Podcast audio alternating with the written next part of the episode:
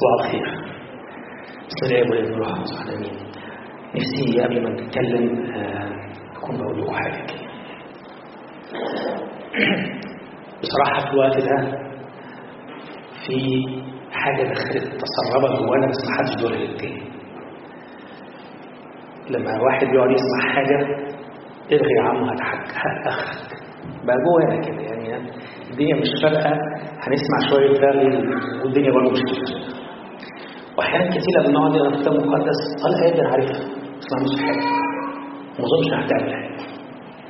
بقى في نوع من أنواع اليأس المتسرب لاعماقنا اللي مخلينا في وقت الاختلاء الشخصي مش متوقعين جديد وفي وقت الاجتماعات مش متوقعين جديد وفي وقت التسبيح والعبادة مش متوقعين جديد يمكن يجتذبنا جدا وقت التسبيح لو كان في ترنيمة جديدة. أنا بقى وده أنا بتقول إيه ولحنها عامل إزاي لكن في الحقيقة إحنا النهارده محتاجين نفتح مجالات جوه أعماقنا لاستقبال الكلمة حتى لو كانت في عمق بساطتها أو في إنها معروفة لي- لينا قبل كده لكن في قوتها إنها خارقة لمفرق النفس والمفاصل والمخاخ ومميزة أفكار القلب ونيته. عندنا استعداد إن إحنا نقبل الكلمة اللي الكتاب المقدس قال عنها كده أرسل كلماتي فأشفيكم. في شفاء يجي مع الكلمة. وده على فكرة مش يجي غير بقرار شخصي مش بحرفيه المتكلم. يعني أنت ممكن تسمع أحسن متكلم في مصر بدون ذكر أسماء. الله! وما تتغيرش لكن ممكن تسمع واحد يقول لك آية. ترنيمة. يعني النهارده إحنا بنتكلم على بقدم نفسي ذبيحة. أنا حسيت انها لطشتني وأنا واقف بره يعني مش بره لطشتني كده الترنيمه دي إحنا قلناها كم مرة لغاية دلوقتي؟ دي أصبحت بقت من المقارنات بتاخدها كده على طول. لكن في وقت تفتح قلبك لحاجة تلاقيها فرشات معاك. أنا عايز أطلب منك قبل ما تسمع كلمة ربنا النهارده من فضلك ارفع قلبك وانت قاعد كده كلمات بسيطة. رب من فضلك اخترق الأسوار اللي اخترق الأمور اللي مخلاني مش واثق إن أنا هعرف أستقبل.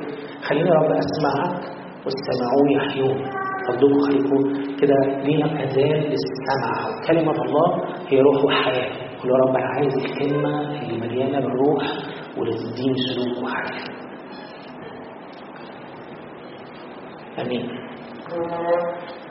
في وقت الاحتياج بتحس إن أنت يا إما بتنكر الاحتياج يا إما بتقول إزاي إن الواحد بعد الإيمان وبعد العلاقة مع ربنا وبعد الخدمة السنين دي كلها يبقى عنده الاحتياج ده ايا كان نوعه؟ في وقت الاحتياج في أوقات كتيره يا إما بنتجاهله فنزداد ضغطا يا إما نكون بنركز فيه قوي فيكون بالنسبة لنا هذا الاحتياج يتحول إلى إله. ويكون كل محور كلامنا بيدور حوالين الاحت- الاحتياج ده. يا إما بتكلم في الشغل عشان الاحتياج دوت هو احتياج مادي. فعمال أتكلم على الشغل ومشاكل الشغل والناس اللي في الشغل والناس اللي عمالة تكون بتاخد حق مش حقها واللي بتنط على على كراسي ناس ثانية واللي بتاخد آه، بونص من غير ما تكون بتستحق. أمور كتيرة جدا بتخص الفلوس لكن كلها بتكلم في تاني والأمور دي قد كده بتكون بتأذيني. ممكن يكون في حاجة تانية بتكلم فيها عن الاحتياج العاطفي وأنا عمال أشتكي من إن مفيش دلوقتي بيت مستقر، كل البيوت الحمد لله بيقطعوا بعض وصراع المخدات وحرب المخدات شغالة زي الفل، كويس إنها تبقى على مخدات بس. لكن كل اللي في دماغنا إن أنا عندي احتياج معين مش مسدد فبالتالي بحاول أسكن هذا الاحتياج يا إما بالنقيض يا إما بكون بشوف حاجة أنا مظلوم فيها وابتدي أتكلم عليها كتير. وأفقات تانية كتير الاحتياج ده بيخليني بخش في دايرة من التذمرات الداخلية لكنها مكتومة غير ظاهرة لل- للعلن وفي نفس الوقت الرب صالح. أكيد ربنا هيجي في وقته. وزي ما يوسف انتظر هيكون بينتظر هيكون بيحصل. على فكرة في واحد كنت بخدمه في الفترة اللي فاتت هو يا دوبك لسه بادئ مع ربنا من سنة كانت حياته حاجة تانية خالص. وبعدين هذا الشخص في الفترة الأولى في حياته في علاقته مع ربنا في السنة اللي فاتت دي كان كل ما يصلي بحاجة تحصل. كل ما يصلي الحاجة تحصل كل ما يصلي الحاجة تحصل لدرجة إن هو ابتدى يحس إن ربنا بالنسبة له فلوس السحر يحك الفلوس يطلع لك ربنا يديك اللي أنت عايزه. مامته جالها كورونا صلى لمامته حتى الفانوس مامته ماتت. حد عمل معاه مشكلة ورفع عليه قضية. حك الفانوس لا في قضية ثانية مرفوعة عليها ما يعرفش إنها مرفوعة ومشروع من وراه واتحكم عليه. هو إيه الحكاية؟ الفلوس مش شغال ليه؟ فابتدى يحس إن ربنا ده مش مش زي الأول اتغير. والاحتياج ما بقتش يستهدف كويس. ابتدى يزعل من ربنا وابتدى يقلب عليه. وبعدين شوية ربنا أنصفه في القضية الأولى وأنصفه في القضية الثانية واخد براءتين والموضوع بقى فيه منتهى القوه وفي منتهى الجمال. هوب ابتدى ربنا يعلمه إزاي تنتظر. قال لك لا هنتظر إيه؟ فيجي حد من باب زي كده يقول انت عارف إن يوسف ما بين إن هو كان خارج من بيت أبوه لغاية ما وصل العرش قعد 13 سنة. هرش هرشه كبيرة مدتها ساعة إلا ربع. واخدين بالكم. وقال أنا هقعد 13 سنة قبل ما ربنا يستجيب. ده إحنا أيامنا سودة. فبالتالي الاحتياج أصبح بالنسبة لي ضاغط لدرجة إني مش قادر أكون بمارس الانتظار. اللي هو من المبادئ الروحية المهمة جدا. مش قادر أكون بمط أو بمعنى أصح بدي المساحة والامتداد لإيماني إن إيماني يخليني منتظر ربنا بثقة ويقين ورجاء إنه سيأتي اتيانا ولا؟ بس الحقيقة إن هو إيه؟ لأن الاحتياج بيقول كده. صوت الاحتياج بقى أقوى وأعلى من صوت الإيمان. صوت الاحتياج خلانا في وقت من الأوقات حاسين إن إحنا رايحين فين. هقول لكم حاجة صغيرة. حضراتكم كنتوا عاملين بالظبط زي ال ال ال الدينامو مش بتبطلوا في دينامو العربية طول ما أنت مسايق العربيه الدينامو شغال. مش بتبطلوا خدمه وبعدين جات لكم حاجة أو جات لنا جات لنا في مصر حاجة لطيفة كده جات العالم كله حاجة لطيفة كده اسمها كورونا. بعد القعدة بتاعت كورونا إيه اللي حصل؟ أول شهرين ثلاثة إن شاء الله ربنا هيخلصها بعد ست شهور قربت قربت تخلص على فكره بعد أول سنة إن شاء الله خلصت هي سنة وخلاص. وبعدين تبص تلاقي بقى الجرايد تطمنك دي موجة أولى وموجة ثانية وموجه ثالثه وموجه رابعة. طب إحنا داخلين في أنهي فيز عارفين بلغة المهندسين إن هنسلم المشروع ده إمتى؟ لما تكون واخد المشروع اتكلم بلغة المهندسين عشان ما تشتغلش كلمه اولياء تاخد المشروع يكون مدته ثلاث شهور. تبص تلاقيه قاعد ثلاث سنين. بيحصل ما بيحصلش. واخدين بالكم. فتبص تلاقي نفسك انت المشروع ده اصبح كأنه بيتك انت يعني بقيت عارف تفاصيله أكتر ما انت عارف درج المعالق اللي في البيت المدام حاطة فيه إيه. فبالتالي الموضوع كل ما بيمط كل ما بتحس ان مفيش فايدة. فاحنا بقينا قاعدين في البيت. وبقينا بنتقابل زي الأول. وكمان الضغوط الاحتياج بقت زادت. وفي نفس الوقت الأمور عمالة تغلى. والدنيا صعبة. والولاد عمالين يكبروا قدامنا وإحنا قاعدين في كورونا محبوسين. والولاد اللي هم كانوا أساسا في اللفه بكرة داخلين المدارس. والدخل مش بيزيد لأن إحنا قاعدين work from home فبالتالي الأمور مش أحسن حاجة. وتخرج العشره اللي هي الساعة الا ربع دي وتيجي وتقول هو الاحتياج ده إزاي؟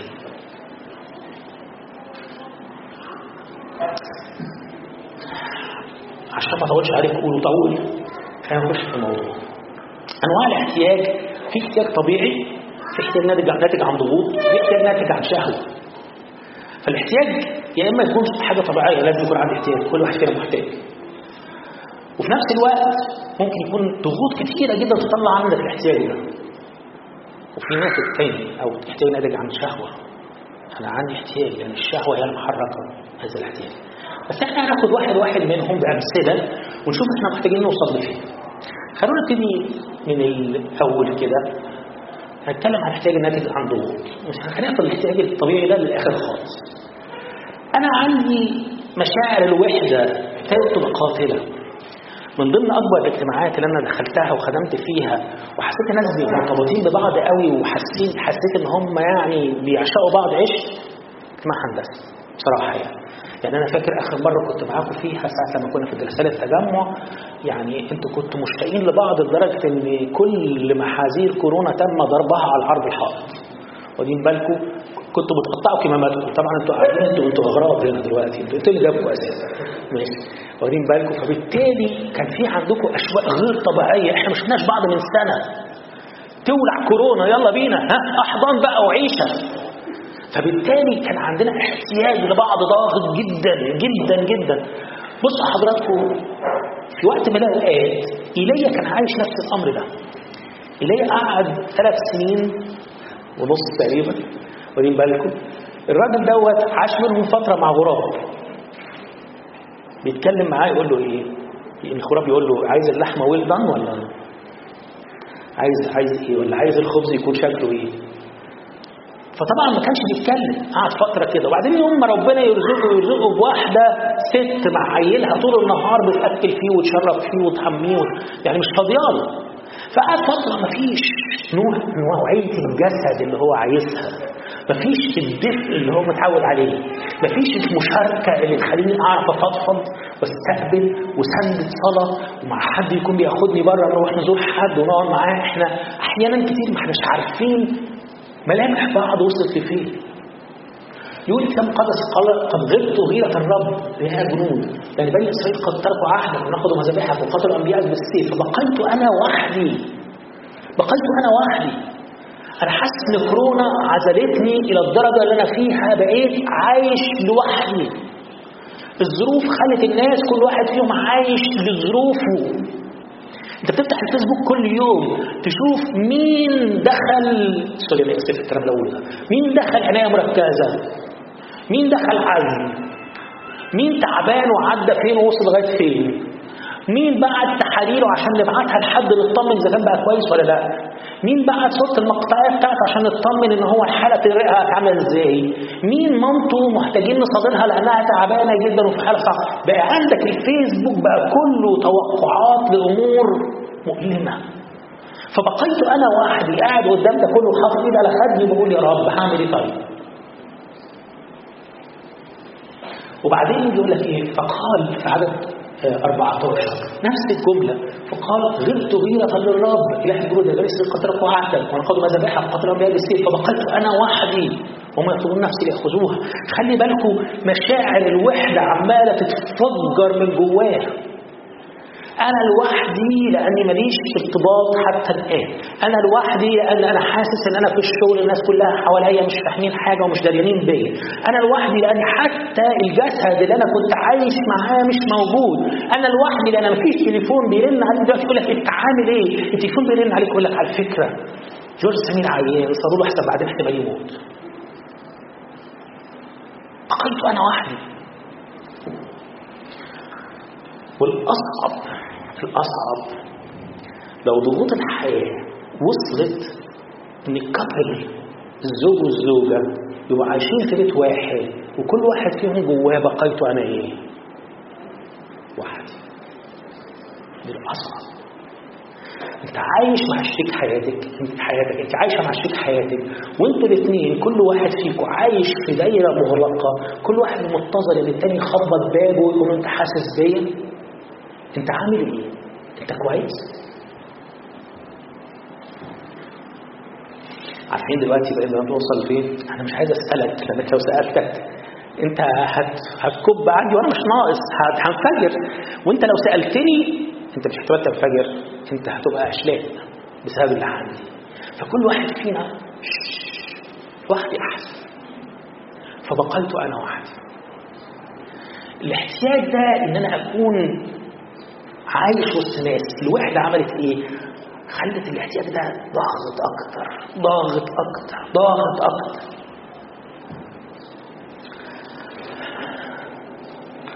بصوا كمان ناتج عن ضغوط إيه؟ ضغط الاحتياج المادي. بصوا نفس الشخص إليه. فقام وذهب إلى صفة وجاء إلى باب المدينة. وأسباب الامرأة الامرأة أموالها هناك تقش عيدانا فناداها وقال لي قليل ماء في إناء فأشرب. الوضع الاقتصادي كان ساعتها بالنسبة لإيليا كان في مجاعة كان في مطر مفيش وبالتالي الاقتصاد والزرع واقف العملية الزراعية مفيش فالبيوت ابتدت تصل إنها خلاص. عارفين أحكي لكم حاجة صغيرة كده. سنة 2004 من 17 سنة يعني ربنا شرفني إن أنا رحت العراق خدمت في العراق. فرحت مدينة من اغنى المدن. اللي كانت اغنى مدن في العالم تعتبر مدينة كركوك. كركوك دي انت وانت ماشي في الشارع صدقني المهرب وانت ماشي كده في الطريق تبص على يمينك تلاقي البترول طافح. حاجة قلة أدب يعني. من بالكم يعني انت تنزل تلم بترول وتاخده معاك مصر. أنا جاي معايا بترول النهارده داخل عليكم بترول. فهناك من كتر البترول بترول طافح على الأرض. الناس دول أغنياء جدا جدا. دين بالكم. يوم ما تلاقي شاب صغير باباه ومامته وهو نجح في ثانوية عامة جابوا له هديه إيه بي ام دبليو طبعا هتروحوا تقتلوا بابا وماما يوم ما انت اتخرجت وجابك 28 انت كنت أساسا غلقت الزينات في الشارع كله. المهم يعني الناس دي بسبب الحصار الاقتصادي وبسبب اللي حصل أنا دخلت فيلل فيلل سوري أنا آسف. باب الحمام اتفك واتباع. قعدت التواليت اتفكت واتباعت لأنه بقى في حمام بلدي. لأن هما مش لاقيين ياكلوا. فوصل بيهم الحال إن باب الحمام بيتباع إن القعدة بتتباع. فاهمين يعني إيه؟ مصيبة سوداء اسمها أزمة اقتصادية. الشعب واصل في المرحلة دي لهذا المستوى.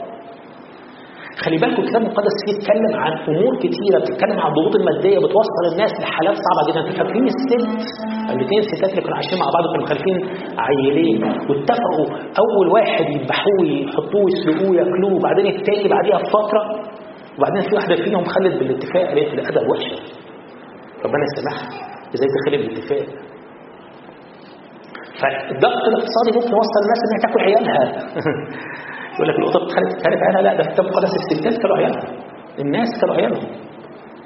هنا في الوضع ده بيقول إيه؟ الست دي بتقول له وفيما هذا هنا اللي تاتي به؟ نداها وقال لي كسرة خبز في يدك يعني شوية مية هتصرف فيهم. لكن كسرة خبز فالست بقى انفجرت. الاحتياج المادي ظهر. ظهر.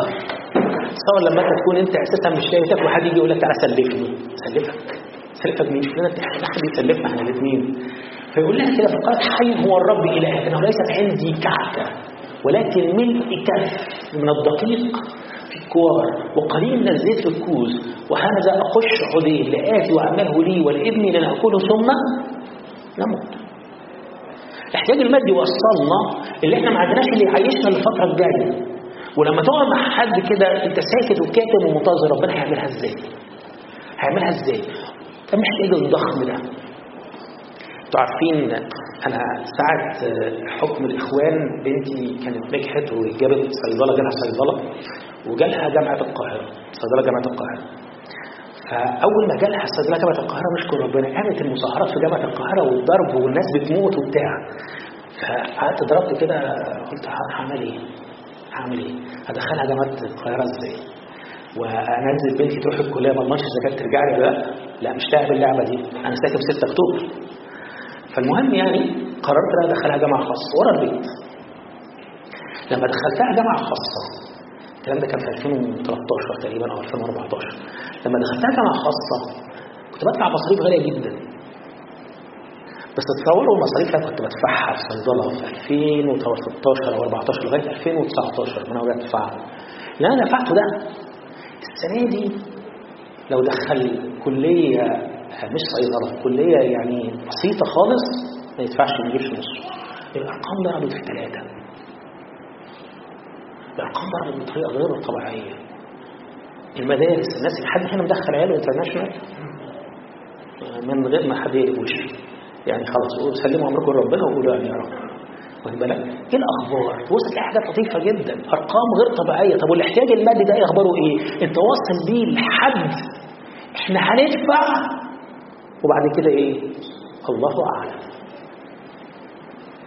إحنا هنسدد. وبعد كده مش عارفين اللي هيحصل. الوضع بالنسبة لنا مبهم الاحتياج المادي بقى ضاغط بطريقة مش طبيعية. مش طبيعية. الضغوط دي موجودة؟ آه موجودة.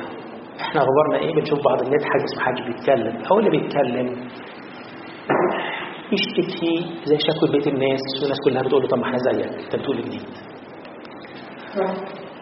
من ضمن الاحتياجات الناتجه عن ضغوط ضغوط الشغل العمل. بصوا في في الضغط ده يقول لك فاستعبد المصريون بني إسرائيل بعنف ومرروا حياتهم بعبوديه قاسية في الطين واللبن وفي كل عمل في الحقل كل عملهم الذي عملوه بوسطتهم عنفا. عندي سؤال لكل من يعمل في القطاع الخاص وأعتقد إن كلكم شغالين في القطاع الخاص. إيه أخبار الكلام ده؟ هل يطبق حقيا أم لا؟ عبوديه قاسية؟ انت حضرتك لو قلت أنا همشي الساعة 5 يوصلك كام فول تحت ده ميعادك؟ آه معايا بس إحنا عندنا شغل. ابني تعبان قول له ما يعياش بعد كده.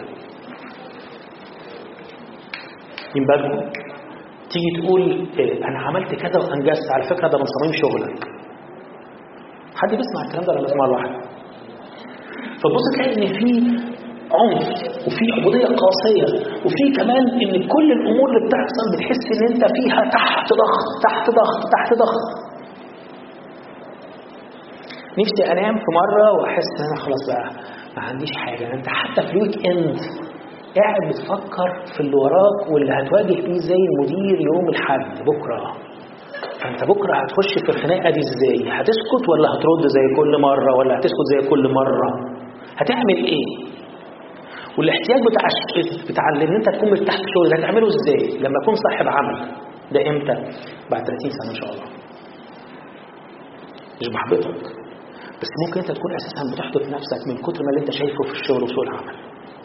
فأصبح ضغط الشغل وضغط ضغط الاحتياج للشغل وضغط ان أنا اكون مستقر في الشغل أصبح بقى ضغط شديد. جدا في ضغوط المرض وده ضغوط من ضمن الأمور اللي بتحصل. وزبران كان عليه خارجة من تلك التخوم صرخت إليه قائلة ارحمني يا سيدي ابن داود ابنتي مجنونة جدا. تصوروا إن الضغوط اللي بنتعرض دي يعني يكون حد من ولادنا أو حد قريب لينا أو أنا شخصيا عندي مرض والمرض ده ممكن يكون مرض مزمن. المرض ده بص تلاقيه ضاغط عليك وعلى نفسيتك وعلى نفسية الناس اللي حواليك من الضغوط الغير طبيعية اللي بتخلي دايما عندك احتياج أنا محتاج أرتاح بقى هخف إمتى؟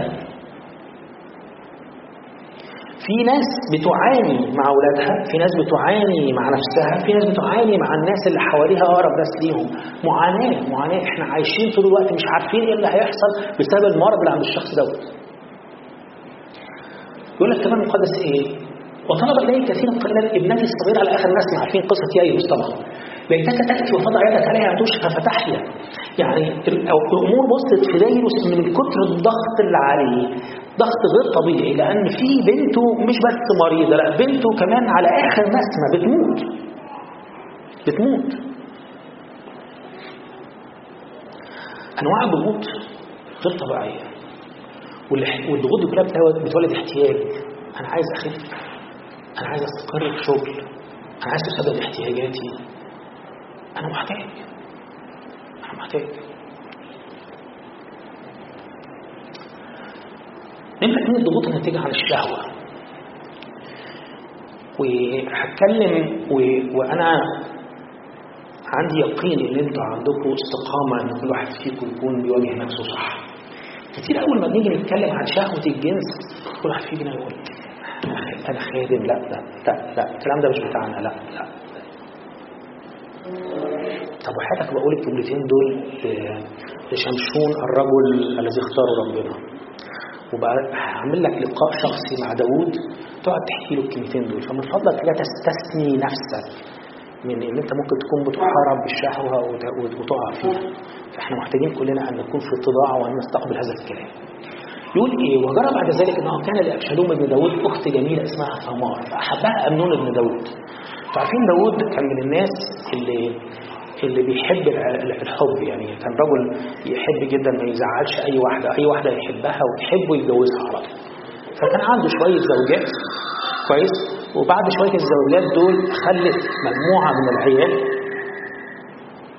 ده داوود كان زعلان ولا إيه؟ مفيش حاجة.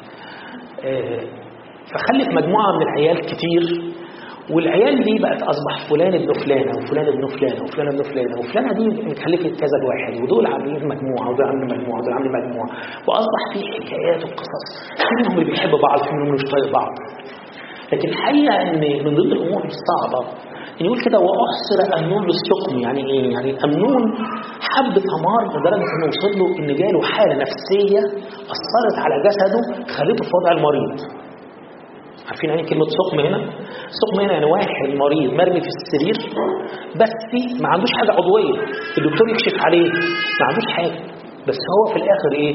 مرمي الصيحة مش قادر يرفع راسه القصة هذا الشخص من كتر ما هو نفسه ومحتاج لثمار عايز يوصل لثمار ومش عارف وكل ما بيحاول يوصل لها ومش عارف كل ما بيمرض أكتر فيقول أحصر أمنون للسوق من ثمار أختي هناك عذراء وأشرى فعلي أمنون أن يفعل لها شيئا. لأنها كانت عذراء دي جملة مهمة جدا تفهم منها إن هو كان عايزها لأجل غرض أصل الكتاب المقدس يقول لي عذراء ليه يذكر إنها عذراء؟ هو كان عايزها لأجل غرض هو بيحبها لأجل غرض في أمر شهوة محركاه أنا بحبها على فكرة بس أنت مش بتحبها أنت بتحب جسدها وكان لأمنون صاحب اسمه يناداب بن شمعي. خلي بالكم اسمه يونادب بن إيه؟ شمعي. شمعي ده يفكركم بحاجة؟ خلي الاسم ده على جنب هبقول لكم عليه حاجة في الآخر. المهم يعني وكان له صاحب اسمه يونادب بن شمعي أخ داوود وكان يونادب رجلا حكيما جدا. راجل بيجيب من الآخر حكيما جدا. بس أنا شخصيا سامحوني أنا مش شغال في كلام كلام مقدس. بس أنا شخصيا ممكن أقول عليه كان رجل خبيثا جدا. كان رجل يشير مشورات جسدية تميت جدا. موت. اداله مشوره جابت أجله. يقول الكتاب المقدس إيه فقال له لماذا يا ابن الملك أنت ضعيف هكذا من صباح إلى صباح؟ وخلي بالكم هو زنقه بجملة. قال له يا ابن الملك فلما انت تيجي تقول لحد من الخدام انت إزاي وأنت خادم تكون كده؟ انت إزاي حضرتك وأنت خادمة وبقالك سنين وقائدة وليك دور وليك ومسؤول عن اللجنة الفلانية مسؤول عن مجموعة كذا مسؤول عن أنت تعملي الخدمات الفلانية. إزاي تبقى انت واصل للمرحلة دي؟ أو كلمة إزاي بقى دي؟ هي اللي بتخليني عايز أخرج من الموقف ده حتى لو بطريقة غلط. على فكرة عايز أقول لحضرتك حاجة. مفيش حاجة اسمها إزاي قدام الضعف لما تكون ضعيف تكون ضعيف. حتى لو انت متزوج حتى لو انت بقالك سنين عايش مع ربنا حتى لو انت قائد وكبير من فضلك ما تطلبش ما تحاولش تلف وتدور ما تحاولش تتملص ما تحاولش تراوغ. انت ضعيف أنا ضعيف.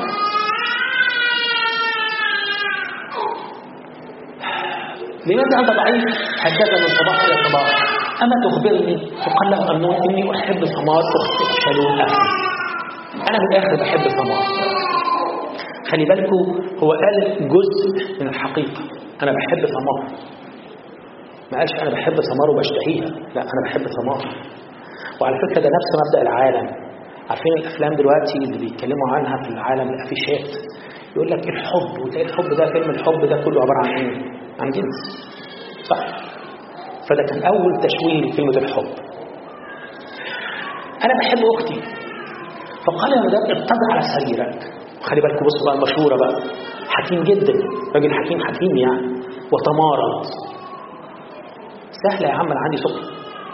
أزودها شوية أزودها شوية. أنا كان عندي عندي شوية كحة لا خلينا عندي كمان كريزت كده. خلينا عندي أي حاجة تخليني مش قادر أتحرك من السرير وتمارض إذ جاء أبوك إلى العراق فقل له دع ثمار أختي فتأتي وتطعمني خبزا وتعمل أمامي الطعام لأرى فآكل من يدها خلي بالكم الاحتياج ده الاحتياج ده ولد عنده ان قبول لكل أمور مستويه قبول إن هو يمثل يمثل حاجات يمثل. قبول إن هو يكذب. قبول إن هو يخدع. قبول إن هو يعمل أي أمر لأجل أن يصل إلى هدفه. خلي بالك جدا. يا ابن ربنا يا خادم يوم ما بتتضغط بشهوة أنت ما بقاش عندك أي مانع إنك تعمل أي تنازلات حتى في مجال الكذب. أنت بتكذب سهل جدا خالص.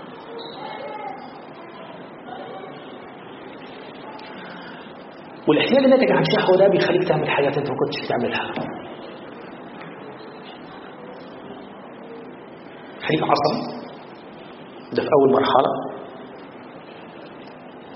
وبعدين يخليك بتقعد قدام الفيسبوك وقت أطول. وبعدين فيديوهات الفيسبوك وقت أطول. لغاية فيديوهات اليوتيوب وقت أطول. ثم على بعض المواقع الأخرى وقت أطول. ممكن يصل بك الحال إلى حاجات تانية وقت آخر. أنا؟ آه. حاجة أقولها تاني. أنا؟ آه. وعايز أقول لكم حاجة. مصيبة المصائب في الكنيسة هذه الأيام إن الخدام يبررون أنفسهم من الخطايا الكبيرة. مصيبة المصائب. الخدام بيطلعوا كده ويقول لك لا مش إحنا اللي نعمل ده. وصدق المصاري عشان كده هذا الفيروس منتشر والكل بيبص للتاني ويولع للتاني شمعة وهو أساسا أخشى إن الشمعة تولع فيه.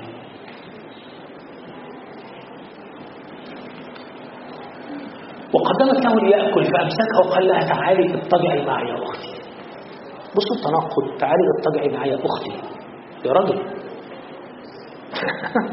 أنا فاكر ذكر إزاي؟ اتجعي معي يا أختي غالبا إزاي؟ مع بعض. تمشي إزاي؟ فقالت له يا أخي لا تذلني لأنه لا يفعل هكذا في إسرائيل لا تعمل هذه القباحة البنت كانت بتتكلم بمنتهى الوضوح. ما تذلنيش ما تعملش كده. ما ينفعش دي قباحة أما أنا فأين أذهب بعاري؟ وأما أنت فتكون كواحد من السفهاء في إسرائيل. والآن كلم الملك لأنه لا يمنعني منك. ابتدت تبتدي تديله شوية مفاوضات. مش عارف إزاي الملك لا يمنعه منها وهم أخوات بس يعني ماشي. فلم يشأ أن يسمع لصوتها خلي بالكم إن الشخص اللي بيبقى تحت ضغط شهوة الجسد حتى لما بيجيله نصايح وهو تعمق في الموضوع وساب نفسه هيجي الأوقات حتى الكلام اللي بيجيله مش هيسمعه. أنا مكمل. حتى النصايح والتحذيرات اللي بتجيله مش هيسمعها. أنا مكمل. ان يسمع صوتها بل تمكن منها وقهرها واتبع معها. ثم أبغضها أمنون بغضة شديدة جدا حتى أن البغضة التي أبغضها إياها كانت أشد من المحبة التي أحبها إياها وقال لها أمنون غول. معلش أنا آسف أنا حبيت أقولها كده. قوم من الطلقة دي يعني إيه؟ غول. الحب والشهوة وال واللهفة اللي كانت موجودة. فين؟ فين؟ فين؟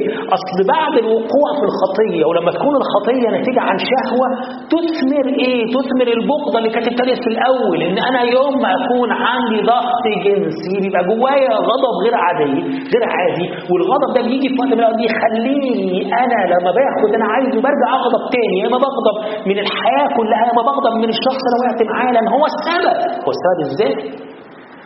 هو بسيطة جدا. ده نوع من أنواع الاسقاط يعني مش عايز أعترف إن أنا ضعيف مش عايز أعترف إن أنا خاطي مش عايز أعترف إن أنا واحد بيرجع لورا مش عايز أعترف إن أنا حد حد خادم إن أنا بعك. مش عايز. فغضب شديد أنا مش عايز أموت تاني. أقول لكم سر. أنتوا عارفين بقى قصه امنون امنون ده لو كان عاش كان بعد كام سنة كرر نفس الأمر ده مره تاني ليه؟ لأنه ما اتعالجش. تعالجش. النقيض داود لما سقط وجاله يوناثان وأهل وجهه داود أول كلمة ما قالوش معلش ما قالوش أنت إزاي تتكلم ملك كده؟ ما قالوش هو أنا الوحيد اللي بسقط؟ لا لا لا. أول كلمة أنا طلعت من بقه قال له أخطأت. أخطأت. على طول. عشان كده داود وقف. وقف. قطع سكة السقوط والتدحضر في الموضوع ده. نمرة اثنين شهوة المال. دي من ضمن الشهوات الضاغطة اللي بتخلي عندي احتياج. خلي بالكم شهوة المال دي مش معناها انت لازم تكون نجيب سويس بكرة الصبح. لكن شهوة المال دي أحيانا كتير هي كل اختراقات لمناطق الاكتفاء. يعني ممكن يكون الاكتفاء على فكرة مش معناه إن انت تكون حضرتك بتعيش ب 7 جنيه ونص. ممكن يكون اكتفاء ان انت انت محتاج 100000 تمام ده الاكتفاء بالنسبة لك. لأن انت عندك ظروف معينة عندك ولادك في حتة معينة دنيتك في حتة بطريقة معينة فده الاكتفاء. ربنا ما بيهموش الرقم. ربنا ما بيهموش الرقم. ربنا بيهمه انت تكون شبعان وانت تكون مكتفي. وان انت تكون عندك اللي يملى عينك ما تبصش فيه أكتر. يكون عندك طموح. الطموح ده اللي يسدد احتياجك ويبارك الآخرين ما تكونش أنت شخص عندك الطموح ده تحول إلى طمع فأنت بتحاول تاخد أكتر وأكتر وأكتر حتى لو حساب حاجة ثانية ومن ضمن مؤشرات الطمع ومن ضمن مؤشرات شهوة المال إنك تبص تلاقي أنت ما عندكش وقت تقعده مع ربنا. ما عندكش وقت تفحص حياتك. ما عندكش وقت تهتم بأسرتك. ما عندكش وقت أنت تاخد حد منهم توديه للدكتور. ما عندكش وقت إن أنت تكون بتعرف إزاي تسهر مع المدام وأنت لسه ابنك بيبي وبيعيط. فبالتالي لا أنا ورايا شغل. أنا بأكلكم. أنا بلبسكم مش عارف منين ده أنت كل اللبس بتاعك براندات. أنت فاكره آخر فستان الشباب كام؟ استحملي بقى وشيلي. اشيل معاكي إيه؟ كل واحد فينا بيعمل حاجة. ده اتفاق. دلوقتي بقت في كلمة عادات في عادات المشهورة بسمعها كتير. إحنا متفقين على كده. متفقين إيه أدمرها بس أنا أشتغل وأجيب فلوس. مش مهم. ده اتفاق. الحقيقة دي شهوة مال. أنت هتزعل مني؟ معلش. سامحني بس خد الكلام مني كده. يقول كلام مقدس إيه قال جحن غلام عليه شعب الله. وذا سيدي قد انتهى أن يأخذ من يد نعمان الارامي هذا ما أحضره. حي هو الراوي. إني أدري وراه أخذ منه شيئا.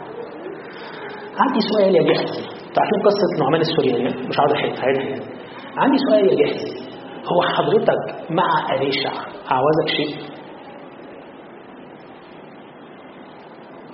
أنتوا عارفين أول معجزة إشباع جموع إشباع جموع حصلت مع مين؟ مع أليشع فاكرين؟ بس طبعا ما كانش 5000 كان الراجل على قده. 200 تقريبا. واخدين بالكم؟ كان عنده مش عارف 10 ترغيف اكل بيهم 200 10 ترغيف اكل بيهم 200 10 ترغيف دول انت لو دخلت عليها بيهم دلوقتي هقول لك اياك حد فيكم يقرب لي. واخدين بالكم؟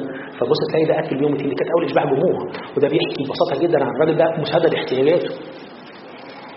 إليشع ده كان يمشي تبص تلاقي ربنا بيبعت له احتياجات.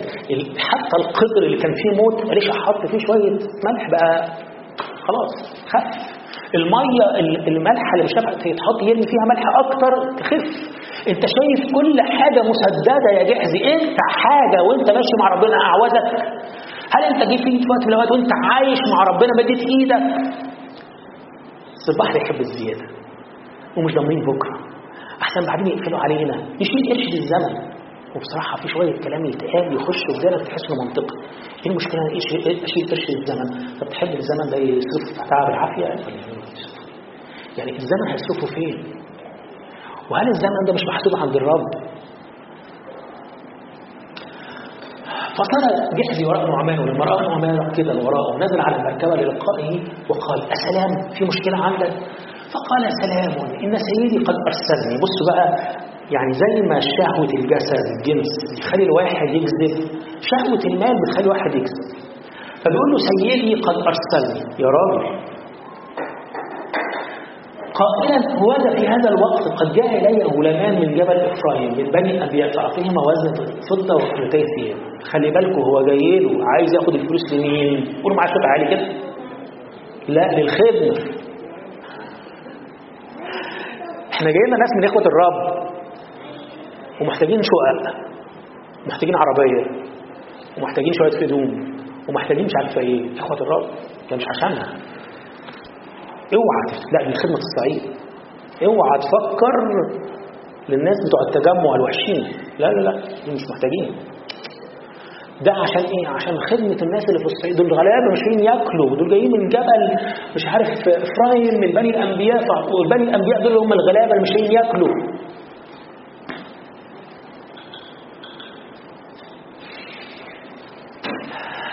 فقال نعمان اقبلوا خذ وزنتين يعني قال له عايز وزن؟ قال له اخذ اثنين ده اللي جت منه جاتش مني.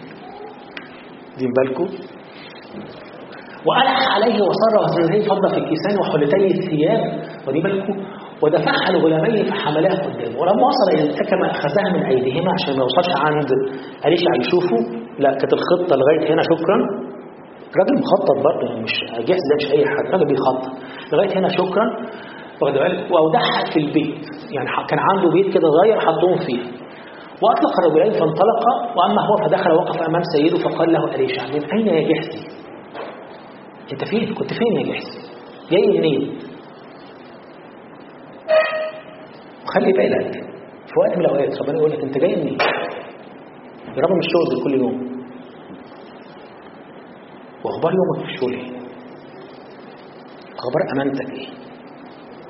هل أنت ما زلت بقالك فترة شغال بنظام على قد فلوسهم هل أنت أمانتك في الشغل بتخليك تاخد مرتب وأنت مش بتشتغل لأن هم تعبينك نفسيا وبصراحة كده بيكافئوا الناس اللي ما يستاهلوش وانت بيدوك الفتات.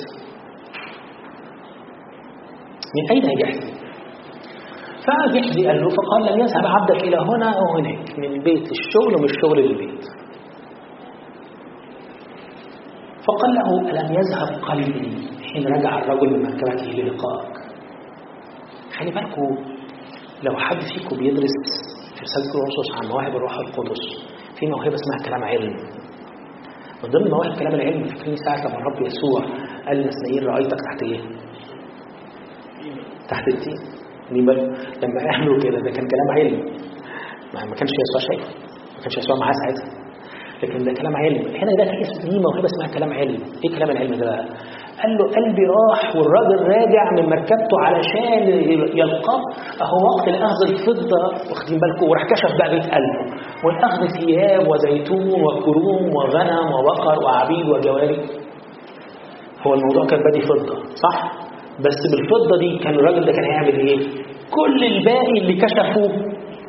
قال يشحن الروح القدس لما يجي في حياة واحد من ولاده ويبتدي من واد ربنا ويبتدي يكون بيكشف مش بيكشف الأمور الظاهرة لا ده بيكشف الأمور الظاهرة ويجيب اللي من جوه قوي لغاية الآخر. أنت عايز يبقى معاك فلوس إيه؟ عليه عشان وعشان وعشان وعشان وعشان. ده ما ظهرش دلوقتي لكن قدام الرب معلن. قدام الرب واضح. ما بيضحكش عليه. بس خلي بالكوا شهوة المال تعمل إيه بقى؟ لما تتاخد بطريقة غلط. والاحتياج بتاعها يزيد يقول كده فبرأ نعمان يلصق بك وبنسلك إلى الأبد وخرج من أمامه أبرز كالثلج عارفين لما بيقع الواحد في شهوة المال برغم إن الواحد بيفتكر إن دي بسيطة ممكن يكون بالنسبة لنا عندنا من الكبائر من الكبائر شهوة الجنس يعني مفيش في الكتاب المقدس أو في الكنيسة أو في المسيحية حاجة اسمها كبائر. واخدين بالكم؟ لكن عارفين إن شهوة المال بتعمل إيه؟ بتخليك ابرص يعني إيه؟ يعني بتخليك مضروب بالشهوة دي لغاية آخر اليوم لغاية ما تموتك بيها.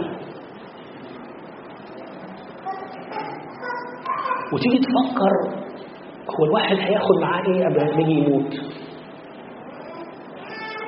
ولا حاجة. ولا حاجة. أبرز إلى يوم مماتك طيب. من ضمن الشهوات اللي هي بتبقى ناتجة عن الضغوط شهوة المركز. يعني أنا عايز أكون اي مكان وايا كان الوصول لهذا المكان إزاي؟ عايز أوصل له. هل أنا أستحق؟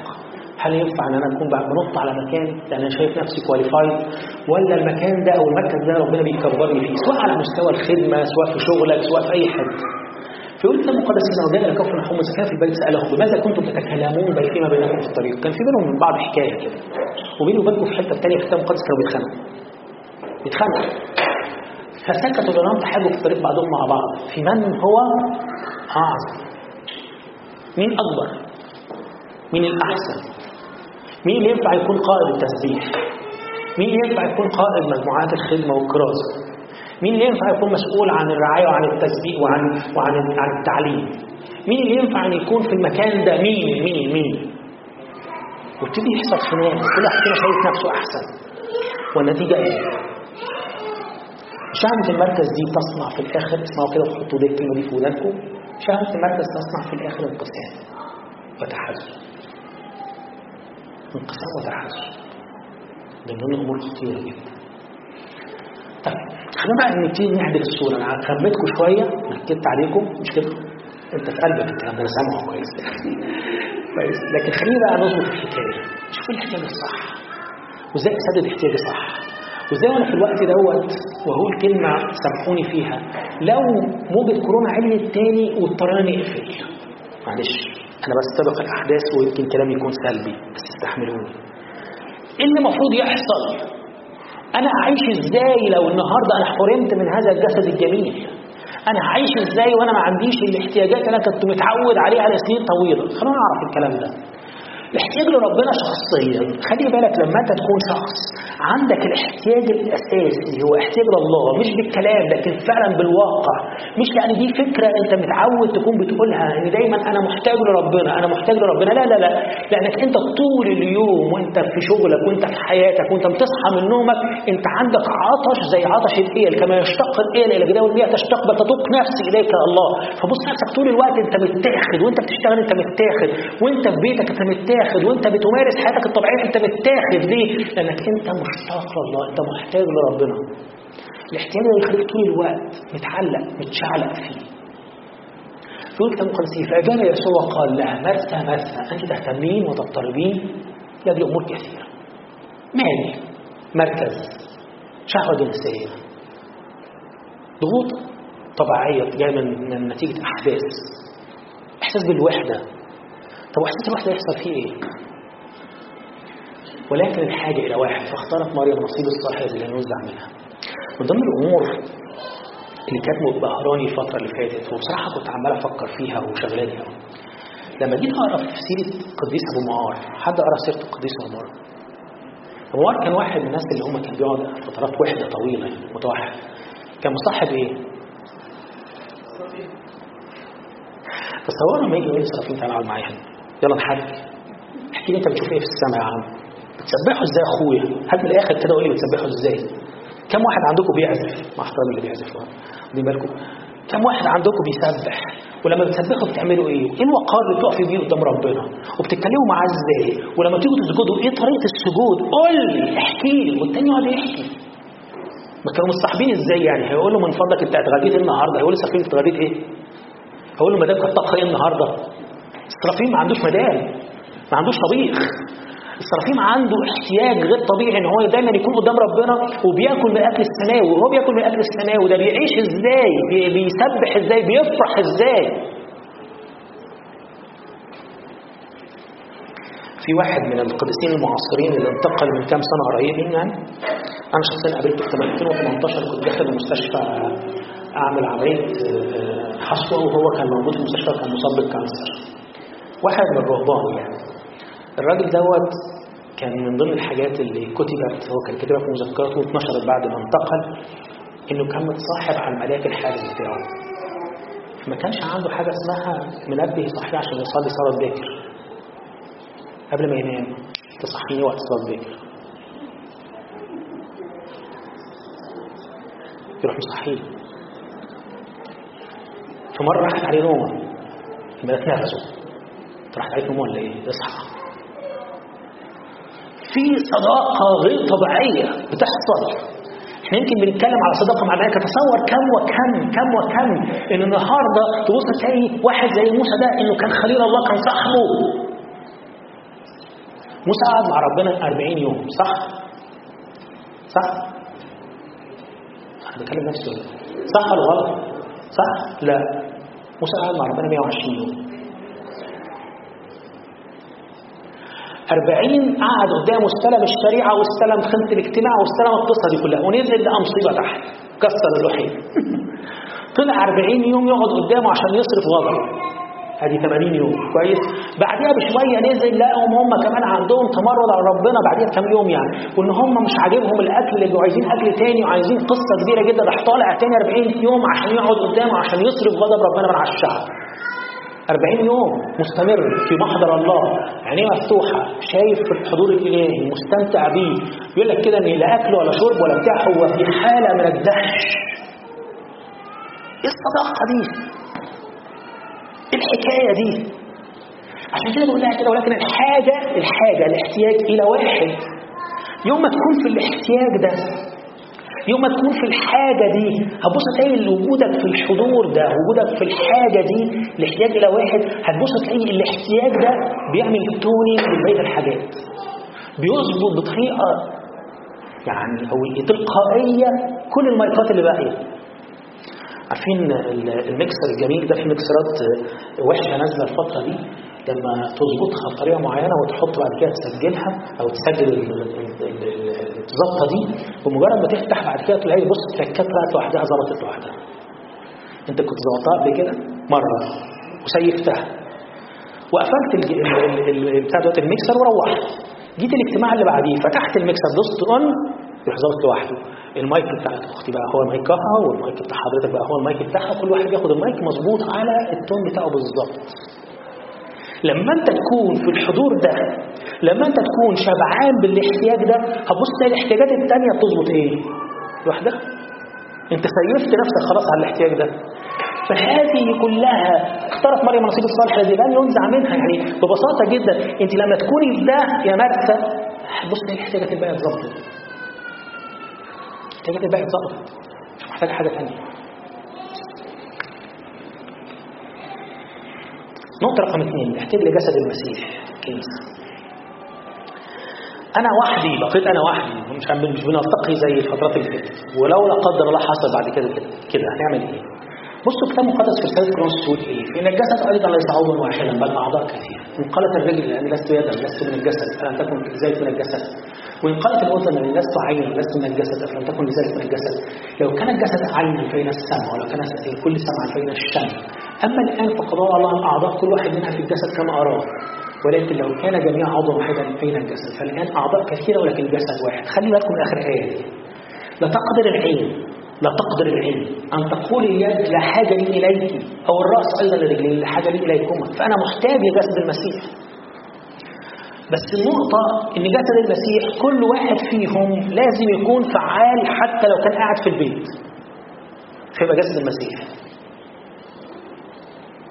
يعني اللي بيقعد قدام ربنا ويصلي لأن هو جسد المسيح إن هو حتة من اجتماع مريمينا ببساطة جدا لما بيقعد ويركع ويصلي هو مش بيصلي لأجل نفسه.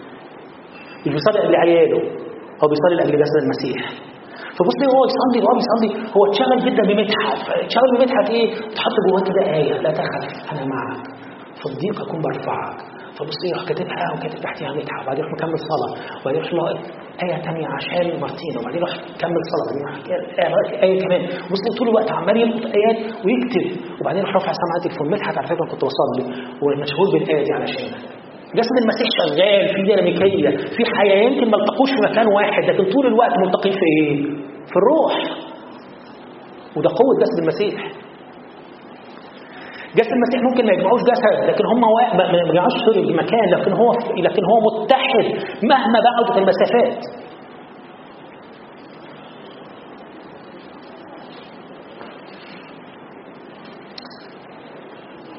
هل الاحتياج ده يسدد بهذه الطريقة عايز أقول لكم حاجة. رؤيتنا لبعض احتياج وإن سمحت الظروف إنها لا تحدث إحنا نرى بعض بالعين فحينئذ ربنا هيكون بيدي اللي أنا بحكيه لكم ده نعمة فائضة تخلي المكالمة دي تشجع قلبك وتسدد احتياجك كأنك كنت قاعد مع أخواتك مؤتمر ست أيام. جرب. جرب هذا الكلام للاختبار. مش لاجل إن هو وعظه بس. ده اختبره تمتحني. شوف إذا الكلام ده إذا كان موضوع مظبوط ولا لأ. عشان تسدد احتياجاتي تسدد احتياجات في المقادس يعني أنا النهارده مش هسدد احتياجي وأنا عمال أتكلم. لا لا. ده ما أخش محضر الله ما أخش إلى قدس الأقداس. ده ما أخش إلى أوضتي إلى مخدعي وأغلق بالي ساعتها هبتدي بستقبل تسديد الاحتياجات. بصوا مزمور 73 المزمور ده بدايته محبطة. ليه؟ أساف شاف إن الناس الأشرار فلة. والناس اللي ماشيين مشي شمال عايشين أحسن حاجة. والناس اللي بيكونوا بي بي بي بيظلموا هم دول الناس اللي كسبانين في الأرض. فكان محبط جدا وكان حاسس إن الحياة يعني ماشية بالعكس. أي كلام. يقول كده حتى دخلت مقادس الله.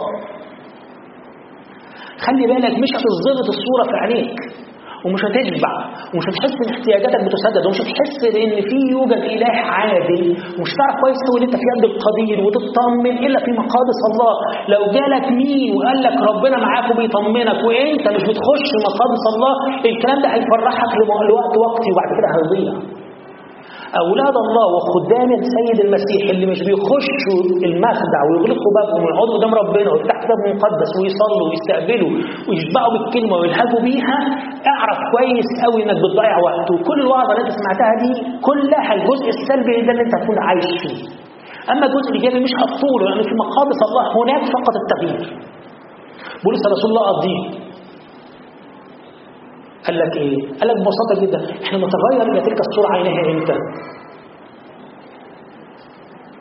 ونحن جميعا ناظرين مجد الرب. هنشوفه فين مجد الرب؟ يقول لك مقدس لما لما موسى أخذ الناس وطلعوا في الجبل في الجبل يقول لك فجاء مجد الرب وحل على الجبل.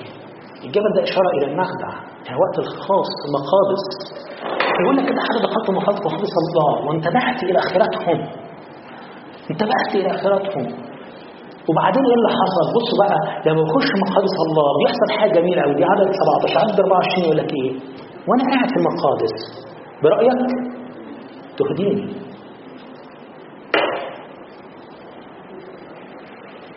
عايز أسألك سؤال. وأنت قاعد في المقادس دي ربنا سألك رأيك إيه في الموضوع الفلاني بص يا رب أنا رأيي كذا كذا كذا. بعد ما بقول رأيي أنا المفروض بحس إن ربنا يقول لي أجري. أنت أنت كلامك مظبوط كونفيرم يلا. فيجي ربنا يقول لك طب تحب تاخد رأيي؟ ماشي يا رب اتفضل. أنا عارف أكيد هيطلع عكسي أوقات كتير ربنا ممكن يكمل على كلامك ويقول لك رأيك صح بس ناقص ممكن ربنا يشجعك يشجعك على كلامك يكون رأيك صح ويقول لك كده ويتمم كل الأمر اللي أنت قلته. وفي وقت تاني يقول لك تعالى اسمعني رأيي بقى. رأيي ده يهديك يعني إيه يهديك يعني يوصلك للهدف. رأيي ده يخليك تمشي في الحتت المشعبة اللي مش باين لها الآخر وتعرف تستقر وتوصل للنهاية. رأيي ده يخليك لما تخش حاجة تحس إنها غامضة في الآخر أوصلك للحتة اللي أنت فيها ما كانش بالنسبة لك مرئية. برأيك تهديني. يعني إيه تهديني؟ يعني تقودني. يعني إيه؟ يعني ببساطة كده تاخدني في الحتت اللي ما كانش فيها أي ماب أي خريطة توصلني للهدف لكن أنت تاخدني فيها وتوصلني. برأيك تهديني وبعد بعد ما تهديني بعد إلى مجد تأخذني إلى مجد تأخذني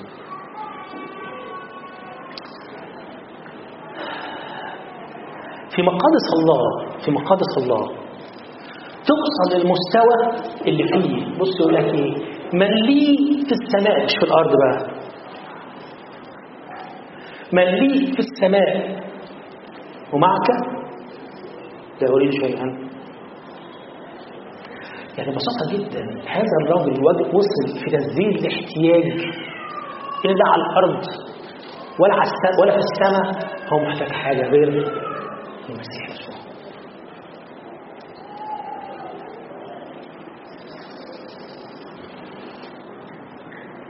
قبل ما انهي فاضل لي حاجة بسيطة. من وقت كده كنت بصلي وبعدين بقول يا رب أنا حاسس محبتي ليك ناقصة. ليه محبتي ليك ناقصه اتشغلت كده أفتح يوحنا 17 فاتصدمت. فطشت ليكون فيهم الحب الذي أحببتني به. ده المستوى؟ يكون فيهم الحب الآن أحد ليه الابن ده التارجت ده الهدف. تصوروا لما أنت تكون واصل للحب اللي ما بين الآب والابن. خلي بالكم طلبة الرب يسوع دي مش أمنيات. الرب يسوع ما كانش عايز يقول لك بص يا رب بص يا الآب أنا بتمنى يبقوا حلوين كده وشبه وزي الفل. لا لا لا هو بيقول ليكون فيهم كلمة يكون عارفين كلمة يكون دي معناها إيه؟ خلقة عمل خلقة زي كن فيكون. فأنا عايز أوصل بيهم لمستوى خلقة إن يكون فيهم الحب اللي بين الأب والابن. ده للمدنيين ولا الرهبان؟ ده للغلابة اللي زي حضراتكم. ده للغلابة اللي زي حضراتكم زي. عشان كده بولس الرسول لخص وقال لك إيه؟ فيملأ إليه خلي بالكم. ما قالش هيملأ بركات إلهي حد فاهم الفرق؟ يعني ربنا شخصيا هيملأ إلهي كل احتياجكم كل احتياجكم أما البركات دي دي تيجي بعدين مش مشكلة ما تقعدش تركز فيها لكن اللي يملأ مين؟ يملأ إلهي كل احتياجكم بحسب تقدير عشان يعلمك إزاي تكون راضي. لا وأنت في المقادس يقول لك إيه؟ بحسب غناه في المجد في المسيح يسوع. بحسب غناه في المجد. تصدق غناه في المجد ده أنا هكلمه مع حضرتك بفكر مادي شوية.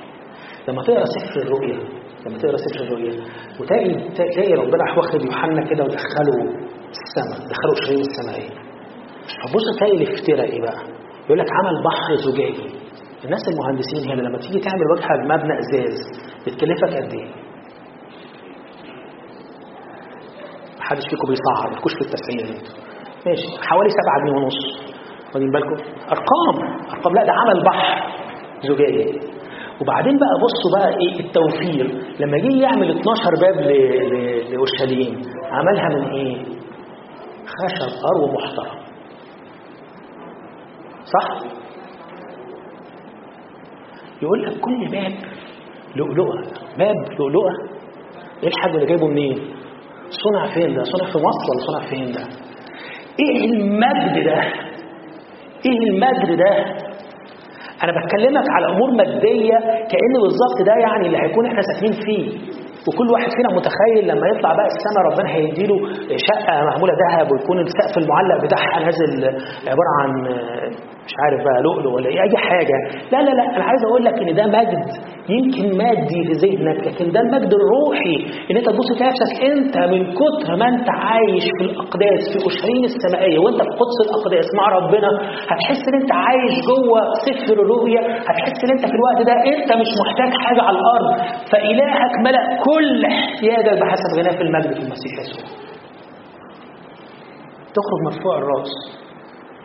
ولو كانوا في أول خالص زي ما كنت اتكلمت معاك أنت مسجون في شغلك تطلع من المخدع انت رافع راسك. رافع راسك. وحاسس أنت ابن الملك. وإن أنت في قدس الأقداس ربنا شق لك البحر وعديت خلاص. أنت مش محتاج منتظر أحداث من الناس. أنت رايح الشغل مش مكتئب زي كل يوم. أنت رايح الشغل انت مرفوع الراس. ليه؟ أنت أكرمت جوه المخدع وربنا سدد احتياجك جوه المخدع وخرجت من المخدع وانت بتقول يا رب أنا شبعان جدا. أختم بقصة.